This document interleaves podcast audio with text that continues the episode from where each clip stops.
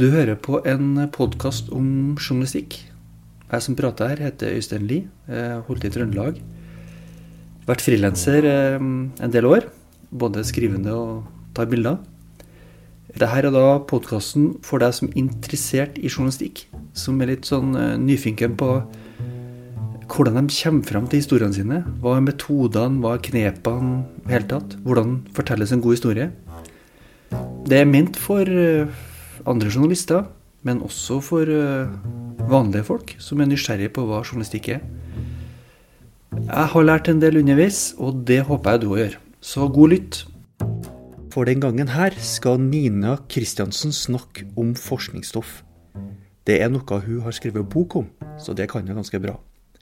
Og hun Nina Kristiansen har fått en del heder og ære for nettstedet hun er redaktør for, forskning.no årets fagpresseredaktør, årets fagblad og årets meningsbærer. Kristiansen er nemlig en klassisk brobygger.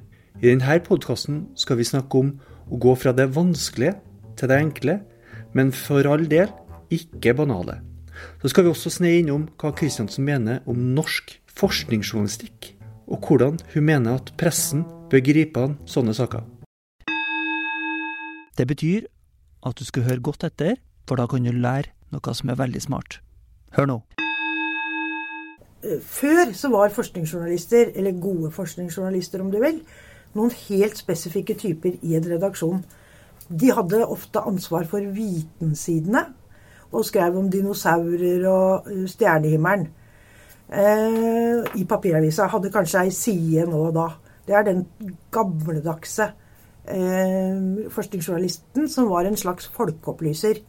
I dag så er nesten ja, Jeg kan ikke si alle, da, men veldig mange er forskningsjournalister på den måten at det, du bruker forskere som ekspertkilder. Eller du eh, skriver om forskning, nye studier, nye resultater. Det så vi jo i pandemien. Da ble jo alle forskningsjournalister, så å si. Så forskningsjournalist er ikke er liksom blitt litt sånn utflytende. Det er eh, veldig, veldig mange av oss. I forskning.no så er er, skriver vi jo bare om forskning, så vi er jo veldig tydelige eh, forskningsjournalister. Men hvis du f.eks. skriver om helse, da, så har du nødt til å være en forskningsjournalist. Altså bruke forskning som kilde, og ha det som tema i artikkelen din. Og det var en god forskningsjournalist. Altså du må ha respekt for forskning, men ikke nødvendigvis respekt for forskere. Fordi også hvis vi går litt sånn tilbake, så var liksom forskeren satt oppe i elfenbeinstårnet. Det var den lærde personen. Og noen ganger så liksom så de ned på oss vanlige mennesker og kom ned og fortalte hva de hadde funnet ut. Nå er det jo blitt veldig annerledes. Eh, mange flere forskere uh, er villige til å stille opp i mediene. Og det er ikke lenger sånn folkeopplysning uh, kun. Vi bruker forskere hele tida. ikke sant? Altså skjer det et ras i Gjerdrum, eller ja, en pandemi selvsagt, men, eller terror på Kongsberg, så kommer jo forskerne inn og prøver å forklare hva som skjer. Så en god forskningsjournalist eh, bruker forskning, men behandler forskere som alle andre kilder. De er litt spesielle, og det kan vi godt komme tilbake til. Men man skal eh, ikke ha for mye respekt for kilden. Altså man skal eh, de, de, er eh, kunnskapsrike, men det som vi gjør i forskning.no, er at vi skriver jo for leserne. Og det noen ganger, i hvert fall litt sånn noen forskere tror at vi skriver for dem. ikke sant? Altså At vi skal være noen sånne små hjelpere som får deres forskning ut. Det er gammeldags.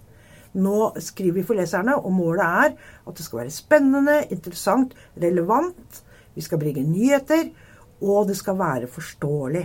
Og forståelig er utrolig viktig i forskningsjournalistikken. Hva er galt med setningen Fuglene har en årlig overlevelse på 50% Ja, det er godt spørsmål. Hvor mange fugler overlever? Er det 50% eller er det uh, Altså uh, Er det 50% som overlever hvert år? Uh, er det 50% som overlever ja, Nei, jeg, kan, jeg, skjønner ikke sant. Og det, nå er du inne på noe viktig her, ikke sant? Fordi vi skal kunne forstå hver eneste artikkel på forskning.no skal kunne forstås av alle. Og det er et mål. Og forståelse er jo viktig i all journalistikk, da, men det blir ekstra viktig når du har så eh, Altså når du har kilder med så mye spesialkompetanse, som ofte forskere ofte sitter inn i fagbobla si. ikke sant? Og det er ikke, så, det er ikke bestandig de er vant til å snakke med fag ut til mange folk. Og da må jo vi kreve at, de, at, vi forstår eh, hva de sier.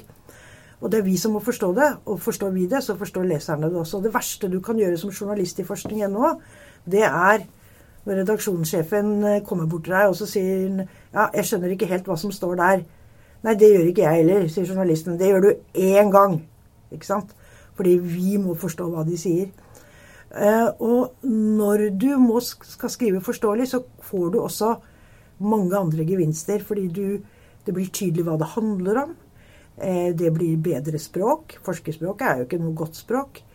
Eh, og du, eh, du, Det er lettere å vinkle, det er lettere å gjøre det relevant, fordi at det er Vi skjønner hva det handler om. Ikke sant? Altså, la meg si du får kreft, da. Det tar ikke mange ukene fra du får en kreftdiagnose som pasient, til du liksom blir en ekspert på kreft, og du begynner å bruke alle orda, og du, og du bruker liksom alle sjargongene. Mens folk flest kan jo ikke dem. Så vi må liksom hele tida skrive for alle. I forskning.no så har vi lesere liksom fra videregående opp til uh, forskerne sjøl. Eh, og det, mm, det, krever jo at når vi skriver, så skal alle artikler om kreft eller verdensrommet eller pandemi eller terror eller hva det nå er, det skal være forståelig fra videregående nivå til de mest utdanna i hele landet.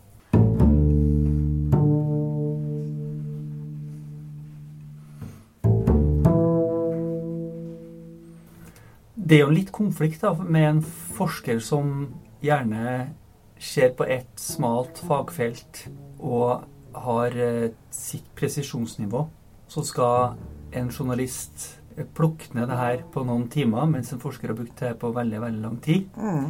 Ja, jeg tror ikke de alltid skjønner hvor kort tid vi bruker. fordi eh, ja, da hadde de nok blitt litt forskrekka. Nei, men det er helt riktig, det, det du tar opp der. Fordi det er, det er jo det som er det store dilemmaet her. Det er en motsetning mellom den utrolig langsomme, grundige forskninga og den kjappe journalistikken. Jeg kan si én sånn stor motsetning. Én studie i forskningen er egentlig verdiløs. Du har en studie som viser at ja, et spennende funn av et kreftgen f.eks. Eh, nå prøver de å stoppe spredning på litt nye måter. Veldig spennende studie. Ser veldig lovende ut. Men i forskningsverden så er jo det bare én bit kunnskap som de legger opp av den andre kunnskapen. Som de legger opp av den andre kunnskapen der igjen. Så du får liksom en svær plattform av kunnskap som består av veldig, veldig mange studier. Og én studie som akkurat har blitt publisert, er ikke så mye verdt. Eh, før andre forskere har liksom gått løs på den og prøvd å gjenta eksperiment, eller prøver å se kritisk på metode osv. Så, videre. Så i forskningens verden så er liksom én studie bare én bit kunnskap på veien et sted til mer kunnskap. I journalistikken vi skriver jo om hver studie. ikke sant? Altså Vi tar jo liksom studien ut av den sammenhengen og sier vi, Oi, dette er nytt. Og det, den motsetningen der, den, den, kan jo noen ganger gå gærent, ikke sant? Men, men som regel så prøver vi jo liksom da å vi kan jo ikke skrive hele historien hver gang, men vi, vi liksom prøver å ta noen linjer da, til liksom denne her svære kunnskapens mur som dette feltet er en del av. Og så bruker vi andre forskere til å kommentere. For vi, jo, vi er jo bare vi, er jo, vi, har jo ikke noe kunnskap egentlig om det vi driver med.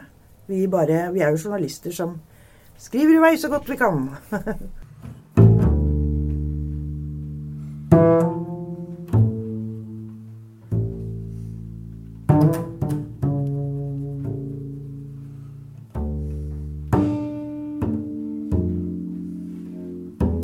La oss forklare først hva en metastudie er. En, en, forsker kan gjøre en studie, eller som regel er det flere forskere som gjør én studie. Og så sitter det da noen uh, innimellom. Så kommer det noen forskere, og så ser de hva er forska på diabetes uh, og uh, fedme, f.eks. Så ser de på alle studiene som er gjort på diabetes og fedme, og så legger de sammen resultatene, og så skal du da i da teorien få fram liksom litt ja, god kunnskap, da. Og så har jo de da også blitt kritisert fordi at hvilke studier er det som blir vraka? Hvilke studier er det som kommer med i den metastudien, eller samlestudiet, som vi sier. Så, så det, er ikke, det, er ikke, bare å ta en metastudie og si at sånn, ja, dette er sant om diabetes og fedme, f.eks. Man må bruke huet, da.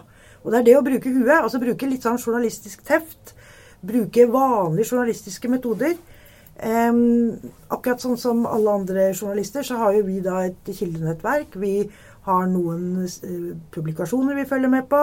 Vi prøver å se hva som er nytt. Oi, kjempespennende ny studie om neandertalere. Uh, da sjekker vi f.eks. Er, er det publisert i et ordentlig tidsskrift. Er, er forskeren eller forskerne eh, ordentlige forskere? Det er jo mange som kaller seg eksperter der ute, som ikke er det. Altså er det, er det ordentlige forskere som jobber på ordentlige universiteter. Fargeinstituttet f.eks. er ingen vitenskapelig institusjon. Og øh, du kan også se på sånn Hva er altså, Er dette her et studie som er veldig i motsetning til annen kunnskap på feltet? Er det veldig banebrytende? Da får jo vi journalister litt tenning, ikke sant? Oi, her kommer det noe helt oppsiktsvekkende. Men da skal du også være litt ekstra forsiktig, fordi ofte så er det oppsiktsvekkende, så kan det være enten tulleforskning, eller at det kanskje er liksom at de har brukt litt feil metoder og fått andre ting. Så du skal gjerne skrive om det, men du skal være ekstra kritisk og ekstra skeptisk. Og så kan du gjerne, f.eks. hvis det er en utenlandsk studie, så sjekker jo vi ofte med norske forskere. Eh, hvor står dette feltet i Norge? Eh, hva, hvordan vurderer dere denne her internasjonale studien? Og så må vi jo da uh, lese studien, og så ser vi um, oftere og oftere på metode. Hva er det de har undersøkt, egentlig? For eksempel uh, Alle kjenner jo til det der med at rødvin er sunt den ene dagen, og så er det usunt den andre dagen. Og så blir du veldig forvirra. Ofte dagen derpå, da. Usunt. Ja, dagen derpå så er det veldig usunt. ja. Men hva, hvorfor er ikke forskere enig? Ja, da Hvis du ser på metode, hva er det de faktisk har undersøkt? F.eks. hvis du undersøker rødvin, altså hvis du tar med deg rødvinsglasset på laboratoriet og forsker på det, og ser liksom er det stoffer i rødvin som er sunt, ja, da kan du komme med den konklusjonen at rødvin er sunt. Men hvis du f.eks. For forsker på mennesker, så kan det hende at du finner ut at det ikke er så sunt. Hvis du intervjuer folk som drikker rødvin hver dag, så kanskje du kommer fram til at det, ja, de har eh, gode erfaringer, eller kanskje du kommer fram til at de har dårlige erfaringer. Kanskje du finner ut at eh, sånn for befolkningen som helhet så er det ikke så sunt, eller kanskje du bare intervjua en liten gruppe. Eller kanskje du har gitt rødvin til mus, som de også driver med. Så det å se på metoden, hva er det disse folka faktisk har gjort? Hvis du kommer en, en studie om at eh, Eh, fedre nå eh, bruker fire timer mer med barna sine hver dag enn før. Ja, har forskerne intervjua sju eh, hipstere på Grünerløkka, liksom? Eh, eller har de tatt et representativt utvalg av befolkningen? Og jeg mener ikke, Det er ikke sånn at den, den studien med de sju hipsterne på Grünerløkka den kan være veldig interessant og gi interessant innsikt, men da må du si at dette her er en liten studie og ikke en representativ studie. Og dette her er ikke så vanskelig egentlig, altså. Det er, har, det er liksom noen sånne ting du må sjekke, og så må du bruke journalistisk metode. Kommer det noe veldig rart, ja, så er det kanskje så rart at du ikke bør skrive om det. Og så er det jo noen studier da, som har høyere prestisje, i hvert fall innenfor medisin og naturvitenskap. Og det er eh, dobbeltblinda, eh, randomiserte studier. Og Det betyr da at eh, f.eks. du har deltakere som deles i to grupper. Den ene får eh, den nye medisinen som skal prøves ut. Den andre får sukkerpiller. Og, så, og de veit ikke hvem. altså der, Derfor blinda. ikke sant? De veit ikke hvem som har fått hva sjøl. Og forskerne veit det heller ikke. Så da har du liksom lagt inn masse sånne sikkerheter rundt at det ikke skal bli noe påvirkning, eller at folk rapporterer feil og sånn. Og det er liksom de aller, aller beste studiene. Men det betyr ikke det at andre mindre studier ikke er bra. Det er bare det at dette her er liksom ja, innafor forskningen, da. Regna som veldig uh, gode studier. En del sånne små studier som sier at homopati virker, eller akupunktur virker. Det er ofte små studier som ikke er blinda eller dobbeltblinda eller godt kontrollert. da. Hvordan finner du de riktige forskerne? Ja, det er vanskelig, ikke sant? Fordi forskere er jo veldig eh, sære også. Eh, du kan f.eks. rigge en Midtøsten-forsker, og så kan du spørre ja, du er Midtøsten-forsker, hva skjer nå i eh, Palestina? Og så sier de ja, nei, jeg veit ingenting om Palestina, kan de finne på å si. Så føler du deg litt dum, da. Eh, men det betyr i forskerhodet så betyr det bare at det fins to andre på instituttet som veit mer om Palestina. For egentlig veit denne her, du første du ringte, mer enn de fleste i Norge. Så man må liksom lære seg å kjenne. Men det beste er da at eh, man må bare prøve å ringe, og så ringer man feil. Man ringer en hjerneforsker, tenker at oi, riktig person. Men så viser det seg at hun forsker på liksom for, fordelen, fronten av hjernen. Og, og, den studien du er opptatt av, handler om bakre del. Og da kan ikke hun noe om det, sier hun da. Men så spør hun dem. Kan du hjelpe meg, eller fins det noen andre? Så forskere er flinke til å uh, peke videre, altså.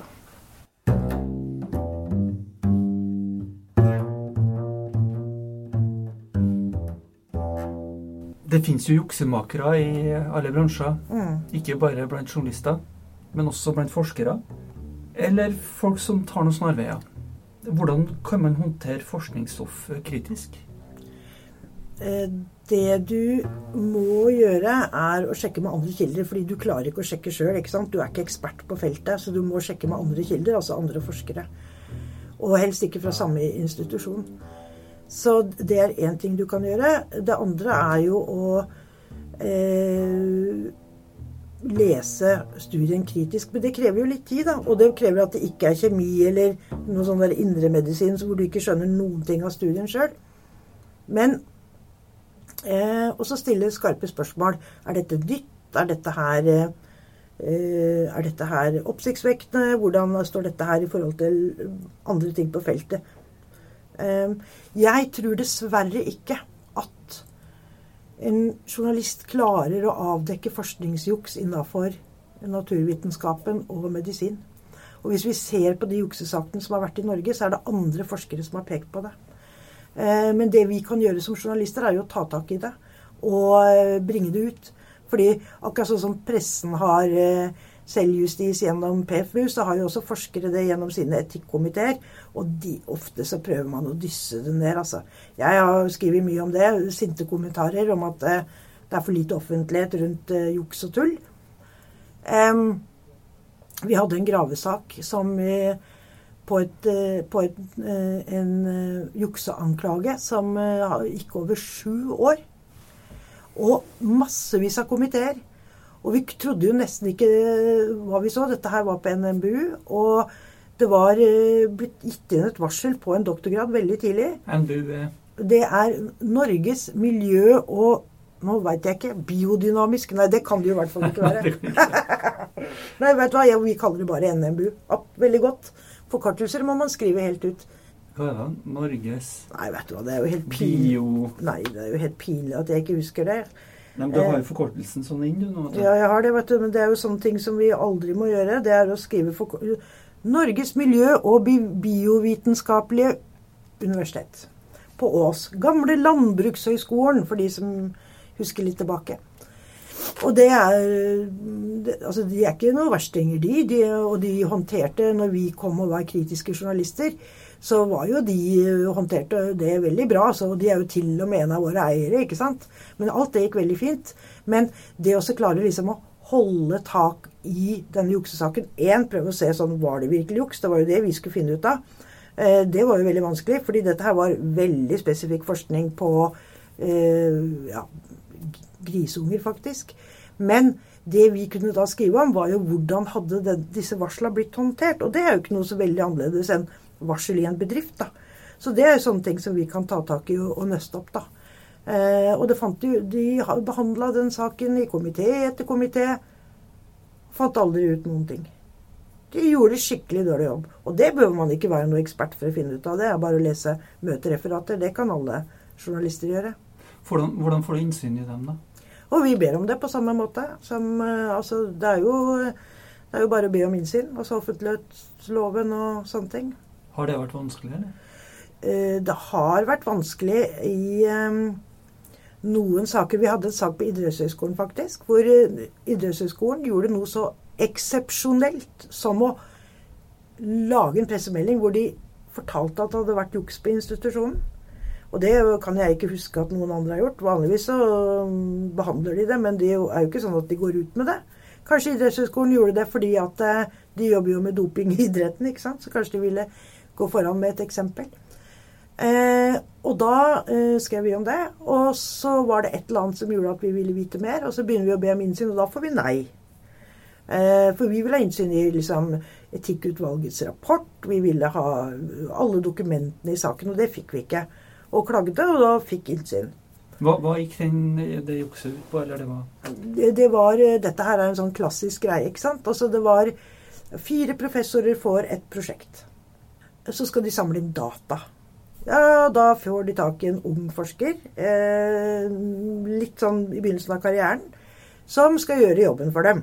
Eh, mens professorene sitter der og venter, og skal jo da til slutt analysere dataene. Eh, denne forskeren eh, fikk en livskrise, som mange av oss kan være igjennom, og begynte å fabrikkere dataene. Så istedenfor å samle dem inn, så lagde den skjemaer.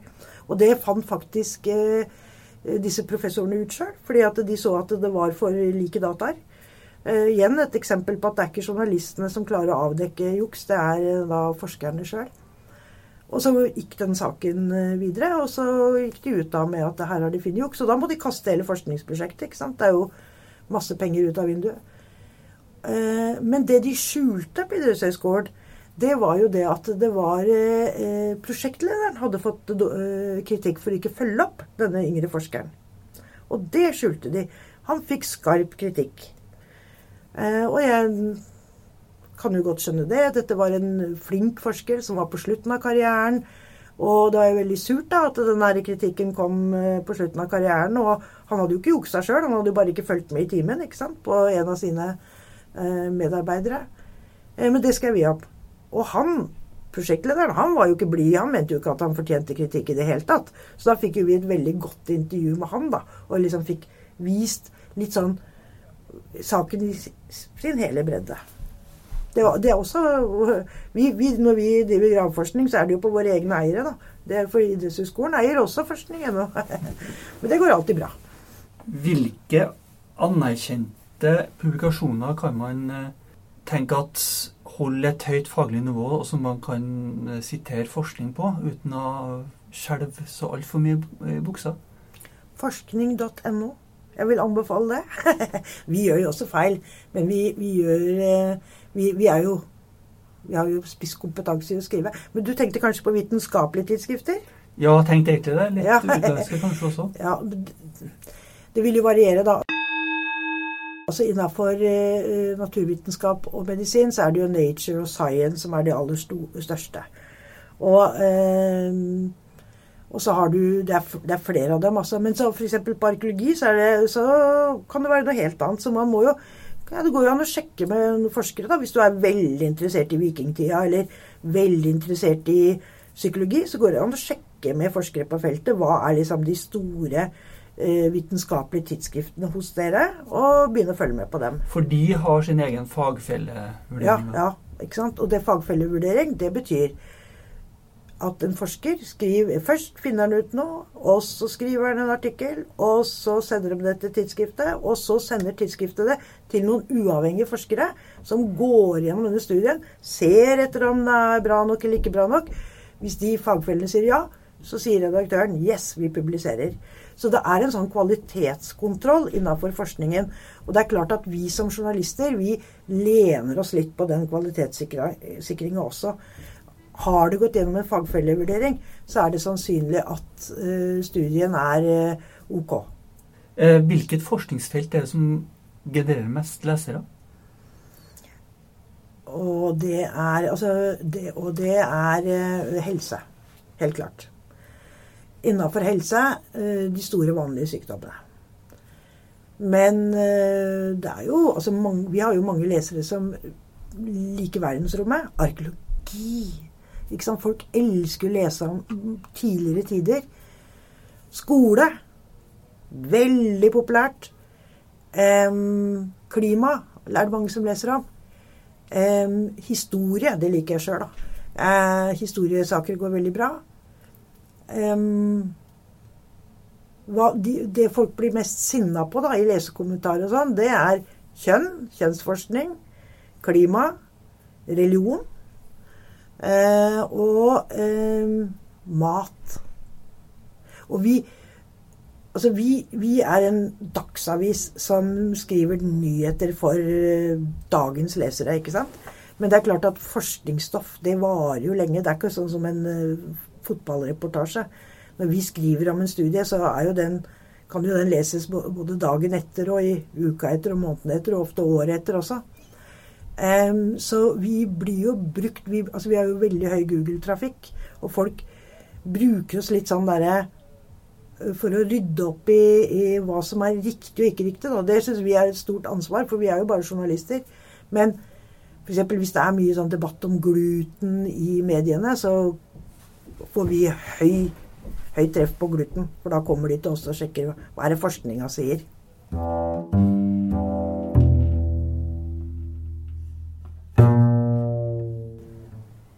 Hvordan forteller dere nyhetene? Som en historie? Som en nyhet?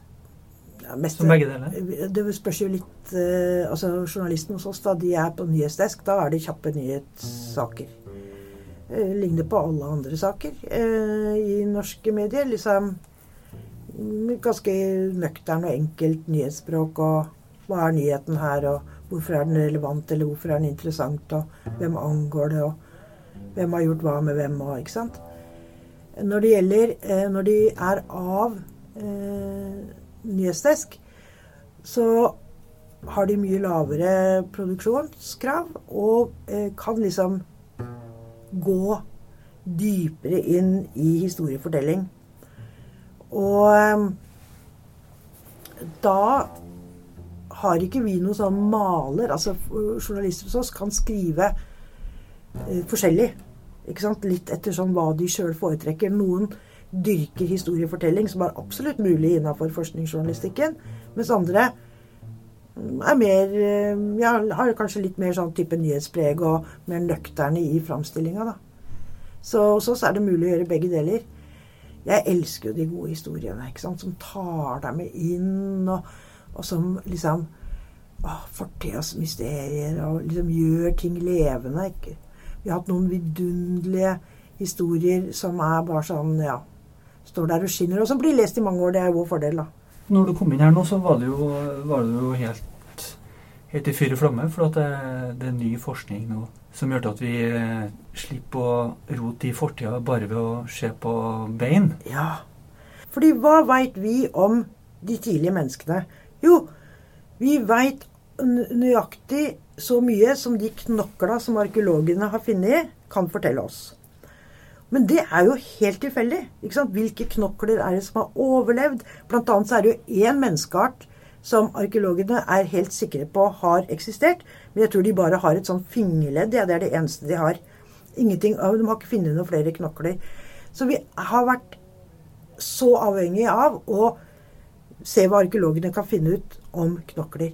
Men nå, i en grotte, husker ikke akkurat hvor det var hen, så gjorde de jordprøver. Altså de bora rett og slett ned i jorda inni den grotta og tok DNA. Og ved hjelp av de DNA-prøvene så fant de en, at der hadde det vært eh, bodd lenge eller kort tid. Eh, flere mennesker. En helt ny mennesketype. Som det ikke finnes et knokkel etter. Men som de da ved hjelp av DNA som kan sammenligne da med neandertal og Homo sapiens og de andre de kjenner, kan begynne å si ting om. Liksom. Og det er, og de hadde fant DNA etter ulv, og de, den grotta hadde vært brukt av mange gjennom åras løp. Men det åpner bare døra for helt ny kunnskap. At vi er ikke avhengig av bein. Vi kan bruke DNA. Altså. DNA er jo bare helt vidunderlig. Hvordan kan du fortelle den historien, da? Det, jeg syns du forteller den bra nå. Ja. Og, og, nå legger jeg vekt på metode. Nå forteller jeg en metodehistorie. Og det prøver vi å gjøre ganske mye. Altså, gjennom å fortelle om metode, så får du hele detektivhistorien. Og du, får, og du får oppdagelsen, og du får eh, fiaskoene, og du får seierne. ikke sant? Du kan fortelle veldig mye kult gjennom en metode. Men du kan jo også prøve å gi et bilde av de folka som bodde der. Og du kan tegne opp grotta. Du kan tegne opp grotta gjennom mange år. Hvordan, hvorfor, hvorfor var den brukt av ulv? Var det, når var det i forhold til øh, øh, menneskene? Problemet med noen ganger når vi prøver å tegne opp, så er ikke forskerne med på reisa. ikke sant? Fordi de er veldig nøkterne og vil jo ikke si et ord mer enn det de har funnet opp. Og da må jo vi ta et ansvar og ikke liksom dikte helt på egen hånd, da. Så, men det er mange spennende historier. F.eks.: Hva trodde man før? Hva tror man nå? Eh, pasienthistorier. ikke sant? Folk som gir sitt eh, liv til vitenskapen. Og vi, ha, vi, hadde en historie om et sånt tvillingpar med et veldig sjelden syndrom. Det fantes bare dem på Tynset, og så fantes det en familie nede i Tyrkia. Og den, det syndromet det gjorde dem veldig stive i kroppen og utrolig smarte. Så, eh, og de har veldig tidlig ga de liksom, eh, sa de at forskere kunne forske på dem. Og nå er de ganske gamle. Og så har jo den medisinske teknologien har jo flytta seg enormt. Og så kan man fortelle hele den reisa til de tvillingene. Og uh, vår journalist intervjua jo da dem. Så det er mange Men hva, hva fant de ut av uh, forbindelsen her, da? Mellom de i Tyrkia og Tynset? Uh, det var samme syndromet, bare gjorde litt forskjellige utslag. De i Tyrkia fikk dessverre ikke smartheten. Men det er rett og slett mutasjoner som har bare oppstått. Og nå altså Disse her tvillingene hadde jo vært gjennom massevis av prøver. Virkelig liksom tilbrakt mye tid på uh, blant forskere. Og det hadde jo oppstått vennskapsbånd. Så det var en vakker solskinnshistorie. Men hvordan, hvordan, klarer man å være kritisk til historien her, da? Ja, det er et godt spørsmål. Kanskje eh, Da må man jo stille Eller skal man være det? Har det vært verdt det? Har det vært verdt det for de uh, tvillingene å gi så mye tid til eh, forskningen, har forskerne informert eh, de de forsker på. For det er jo ofte, der svikter forskere ofte. De tar blod og urin og hudavskrapninger av pasienter, men er de like flinke til å fortelle hva de faktisk fant ut? Det, vi har gjort et sånt graveprosjekt på eh, medisinsk forskning som aldri blir noe av. Ikke sant? Av ulike grunner. Eh, der stiller pasienter opp, og pasienter sier nesten alltid ja stiller opp, og så skjer det ikke noe mer. Hører ingenting. Forskninga blir ikke publisert. Altså rett ut av vinduet. Og da fant vi ut at det var faktisk en ganske høy andel av Vi undersøkte blant medisinske professorer, for å liksom ta toppforskerne. Ganske høy andel blant dem som, som hadde upubliserte studier. Det er jo en måte å være kritisk på.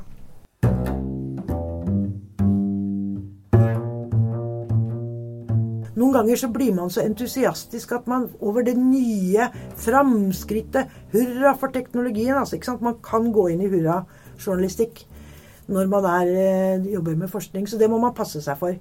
Jeg husker jeg gjorde en gang et intervju om eh, nye metoder innenfor marin arkeologi. ikke sant? Altså, Hva er det vi veit om skipsvrak? Jo, vi veit det som dykkere har klart å nå fram til. Men det betyr jo ikke det at det ikke er flere skipsvrak der ute. Og skipsvrak er jo kjempegøy. De forteller jo masse om fortida. Så har de begynt å bruke ubåter som ikke er bemanna, i den derre kalde, kalde, uh, bratte og utilgjengelige kysten vår. Så har de begynt å bruke ubåter. Og når jeg hørte om det Jeg blei så begeistra at jeg satt der og prata med, med, forskeren. Og stilte ikke ett kritisk spørsmål. Du snakka tidligere om at uh, dere er journalister, først og fremst. det. Men er det også journalister som har sitt fagfelt? Absolutt. Absolutt. Um, Må man ha det? Nei. Altså vi, uh, dette her er jo en sånn diskusjon blant redaktører, da. Og, ikke bare forskningsjournalistikkredaktører, men også f.eks. økonomijournalistikkredaktører. Skal du ansette økonomer, eller skal du ansette journalister? Jeg har vært veldig sånn firkanta på det, og bare ansatt journalister. Uh, og så lar vi folk få dyrke sin interesse. Eh, sånn at vi har eh, journalister som, som, har skrevet så mye om fedme at de kan veldig mye om fedme, og blir faktisk brukt som ekspert i et NRK-program. Vi har forskere som Nei, vi, vi, har journalister som har skrevet så mye om neandertalere at de får en breddekunnskap som kanskje mange neandertalerforskere ikke har. da. Så fordi vi går jo bredt, mens forskere bare går dypt. Så, så vi, og vi lar folk følge sin egen interesse. Og så har vi organisert oss i en helsegruppe, i en miljøgruppe, i en naturvitenskapsgruppe. Og så er jeg med i den nystarta humaniora-gruppa. Altså historie og arkeologi og språk og sånne ting. Så, men, men jeg, tenk, jeg, har en sånn tanke om at hvis folk er interessert i feltet, så skriver du bedre, altså. Jeg tror jeg ville gjort veldig dårlig hvis jeg hadde blitt satt til å skrive kjemi, f.eks. Skjønner ikke noe av det. Så, så det hjelper jo. Og så noen ganger også så hjelper det å ikke kunne så mye. Eh, hvert år så har du Abelprisen som blir delt ut. Det er eh, den smarteste matematikeren i verden Eh, kommer da til Norge og får en pris eh, for å være den smarteste. Så var det ingen i redaksjonen som eh, kunne ta den utdelinga, så jeg sa herregud, må da være mulig. Jeg drar ned. Og jeg kan liksom Jeg har minuskunnskaper i matematikk. Så satt jeg meg og fikk sånn intervju med han, da. var litt skjelven. så spurte jeg han om Har du noen gang fått noen skikkelig gode spørsmål fra journalister. For da hadde jeg tenkt hvis han sier meg hva det er, så kan jeg stille dem på nytt. ikke sant? Så sier jeg har du noen gang fått noen skikkelig gode spørsmål fra journalister? Så sa han nei. Han hadde rett og slett aldri fått uh, interessante, gode eller relevante spørsmål fra journalister. Så da skrev jo jeg om det. Altså Jeg skrev egentlig om hvor vanskelig det er å intervjue verdens smarteste matematiker. Det blir en annen historie. Og så var det en historie om han, selvsagt, ikke om meg, men den ble ganske god, faktisk. Så man kan ta, gjøre ulike triks, da. Og så har vi jo kosejournalistikken. Jeg må jo si det òg. Det er jo Det er virkelig gøy. Altså, det er sånn derre undringsjournalistikk. Hvorfor skjer dette? F.eks. så sitter jeg på hytta og får et kleggestikk, så tenker jeg Klegg? Har jeg noen gang sett kleggforskning? Nei, det har jeg. Hva er poenget med kleggen? Hvilken rolle har klegget i økosystemet? Kom ned fra hytta, begynte å ringe rundt? Nei. Det viser seg at kleggen ikke har noen funksjon i det hele tatt. Eller i hvert fall, det har de sikkert, men ikke som forskerne har funnet ut. Så da skrev jeg i saken Hva skal vi med kleggen? Ikke sant? Altså den der skikkelig hvor du bare går ned og bare liksom spør helt grunnleggende spørsmål. Når var den første mandagen? Vi har jo skrevet bok til og med. Den heter 'Hvorfor ser du aldri babyduer?' Og det er kosejournalistikken.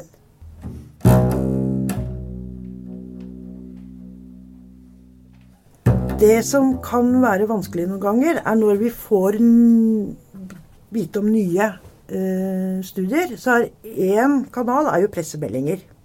Og de pressemeldingene kan komme fra universitetene, eller fra forlagene, eller fra tidsskriftene. Og da kan ofte forskning overselges en del. Da blir det veldig sånn hurra for eh, dette fantastiske resultatet som har kommet, og, og da må du være kritisk. Pressemeldinger er et uh, helt fint, uh, fin kilde til uh, nye, nye, saker, men man skal virkelig passe litt på, altså. fordi at noen ganger så er forskeren med på det, men andre ganger er ikke forskerne med på det engang. At kommunikasjonsavdelingene får overtenning og liksom skryter opp, eh, skryter opp eh, resultatene. Eh, det var i noen år som eh, nesten hver eneste pressemelding som kom fra eh, Universitetet i Oslo, hadde som sånn overskrift 'Nå er vi et skritt nærmere til å løse kreftgåten'. Ja, det stemmer det. Men dette her var sånn kanskje skikkelig grunnforskning som ligger veldig langt unna kreft. Så, det var et kvantesprang? Det var altså kvant, et lite sprang? Ja, et li, bitte, bitte lite sprang. Så uh, ja, hurra for pressemeldinger fra forlag og, og, tidsskrifter. Men da må man bruke mm, skeptiske uh, briller og uh, sjekke ordentlig.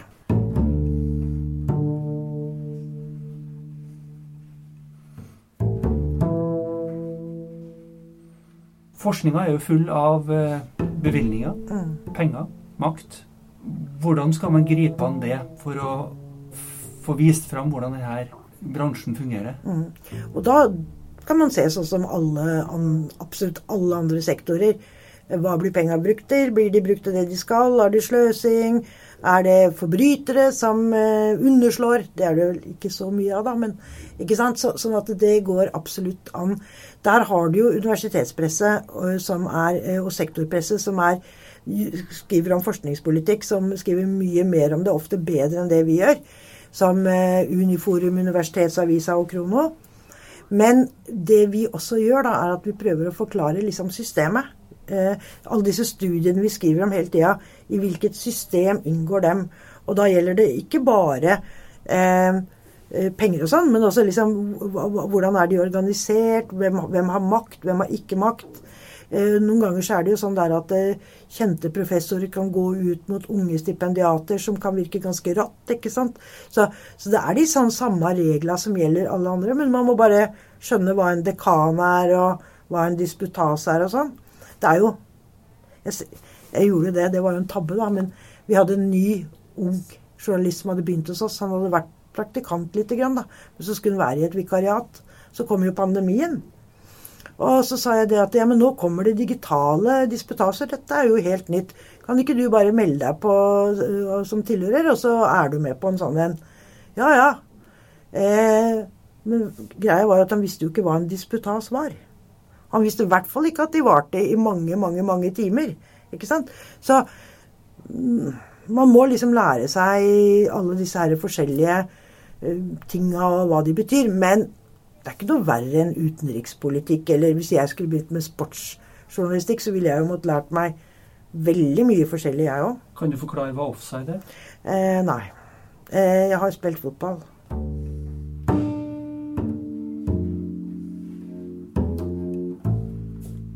Jeg skrev en sak om eh, korsangere som eh, var entusiastiske korsangere.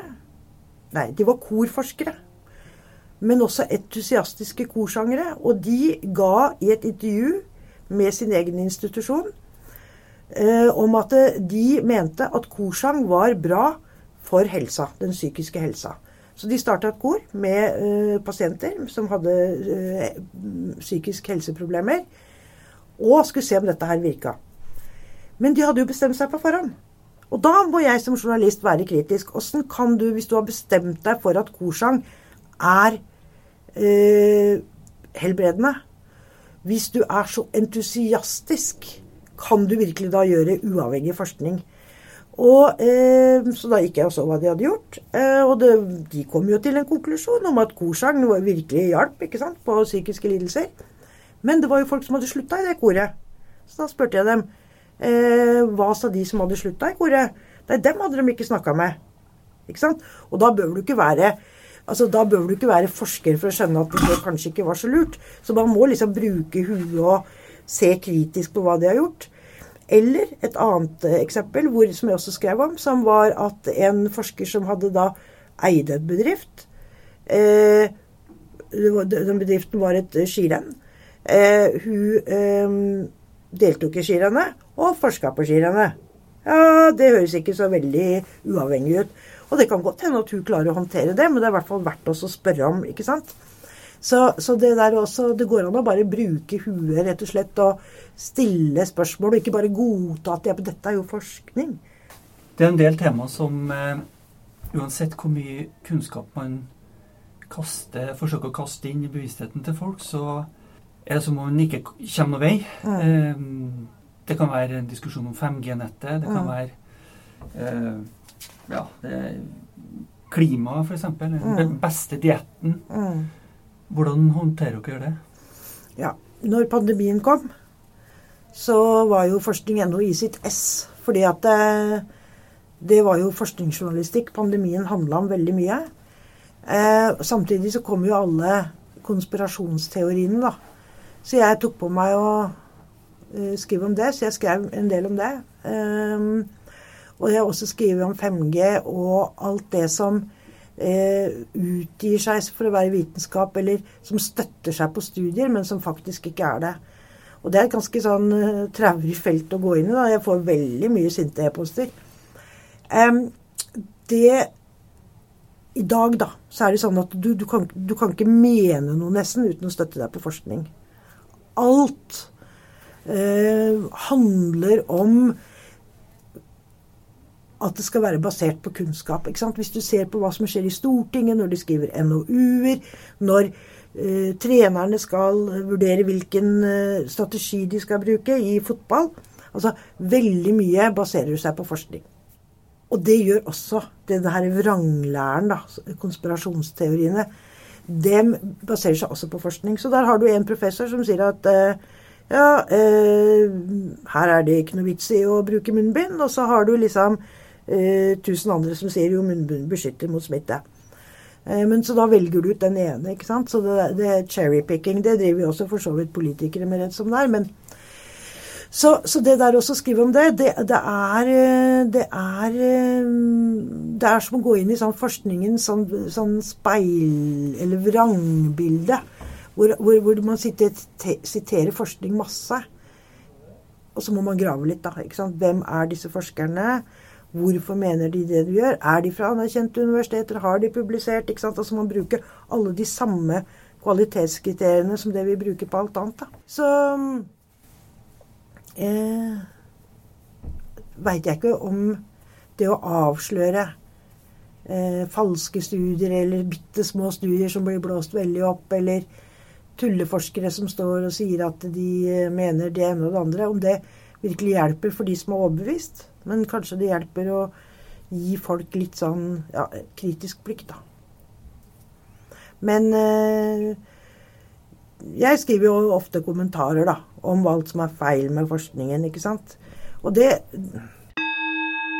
Det er jo folk det handler om. altså Det er jo folk i forskningen. Og de tar De er flinke og uflinke, og de er veldig kloke og ikke fullt så kloke. Eller de bruker metoder som kanskje ikke er så gode. Og, og noen av de er konspirasjonsteoretikere sjøl, liksom. ikke sant? Sånn at man må liksom bare sortere. Hvis man har lyst til å holde på med forskningsjournalistikk, og det er felt som på en måte ikke er dekt så mye, eller som er på en måte framtida, hvor skal man satse da? Ah, hvis det, ja, jeg ville tenkt mat, jeg. Altså, Ikke nødvendigvis sånn der, det er mer enn nok forskning på sånn Er denne matvaren sødd? Nå går vi opp i vekt eller ned i vekt, ikke sant? Eller, ja. Men hvordan mat blir produsert, det syns jeg er veldig spennende. Uh, hva skjer liksom fra åker til det ligger folioinnplakka i butikken? Altså hvordan blir det lagra kjølte? For vi er jo opptatt av klima, vi er opptatt av ressurser, vi er opptatt av at, ting skal være miljøvennlige osv. Emballasje er jo kjempegøy. Og det skulle man jo ikke tro. Men vi prøvde å finne ut sånn derre Hva er mest uh, miljøvennlig? Er det den uh, tomaten som kommer fra Spania, eller er det tomaten som er uh, dyrka i Norge? Kjempekomplisert, som handler om alt mulig ernæring og uh, emballasje og klima og hele pakka. Eneste jeg kan si med sikkert etter den runden der, er at mango er ikke klimavennlig. Men ellers er alt annet forvirrende. Det å gå inn i dette her feltet, hva vi forbrukere Eh, møter, og hvilken forskning som ligger bak det vi møter, enten det er mat eller klær eller reiser, det syns jeg er gøy. Når jeg stilte spørsmålet, så hadde jeg en fordom. Og da tenkte jeg kunstig intelligens, egentlig AI. Men du snakker egentlig om det som er veldig nært deg. Ja. Du putter i deg. Og det er veldig spennende at du ja. gir det svaret. Mm. Altså AI er Jeg syns det er veldig spennende, men det er litt sånn fjernt for folk, og så er det ikke fjernt for folk. ikke sant? Altså, hva er kunstig intelligens? Folk mister litt sånn uh, interessen og motet. Uh, for man tenker litt sånn framtid, og så har man sett litt sånn science fiction og sånn. Mens egentlig handler det jo om at uh, du går inn på banken din, og så Ja, vil du ha, snakke med en kundekontakt? Og så får du ikke en kundekontakt, du får bare en, et programvare som fordi du stiller et spørsmål som veldig mange andre har stilt før, så klarer de å gjenkjenne det og svare på det. Det er jo AI. Eller Eh, programmer som ruller og går av seg sjøl der ute. Så vi må, hvis vi skal skrive om AI, og det kunne jeg godt tenke meg at vi gjorde veldig mye mer av, så må vi liksom bringe det ned til folk, da. Ikke sant? Til der hvor jeg er. Og det er jo folk jeg syns er spennende. Eh, og det er ikke så vanskelig. Altså, hvis du tenker, da. Jeg er i 50-åra. Tenk på all den teknologien jeg har brukt og som har utvikla seg i løpet av min levetid. Jeg har gått fra liksom DOS operativsystem som du skjønte halvparten av, liksom til alt er så brukervennlig at du kan bare åpne PC-en din og begynne å bruke den. Kjempeavansert. Hvis du tenker på de som er liksom 20 år eldre, så har de liksom De hadde jo ikke vaskemaskiner engang. Så vi, vi, vi som lever i dag, vi har jo Vi er jo ekstremt flinke til å ta i bruk eh, teknologi. Og at den teknologien utvikler seg hele tida. Så AI er jo ikke noe sånn ny verden. Det er jo bare en fortsettelse av det vi eh, holder på med.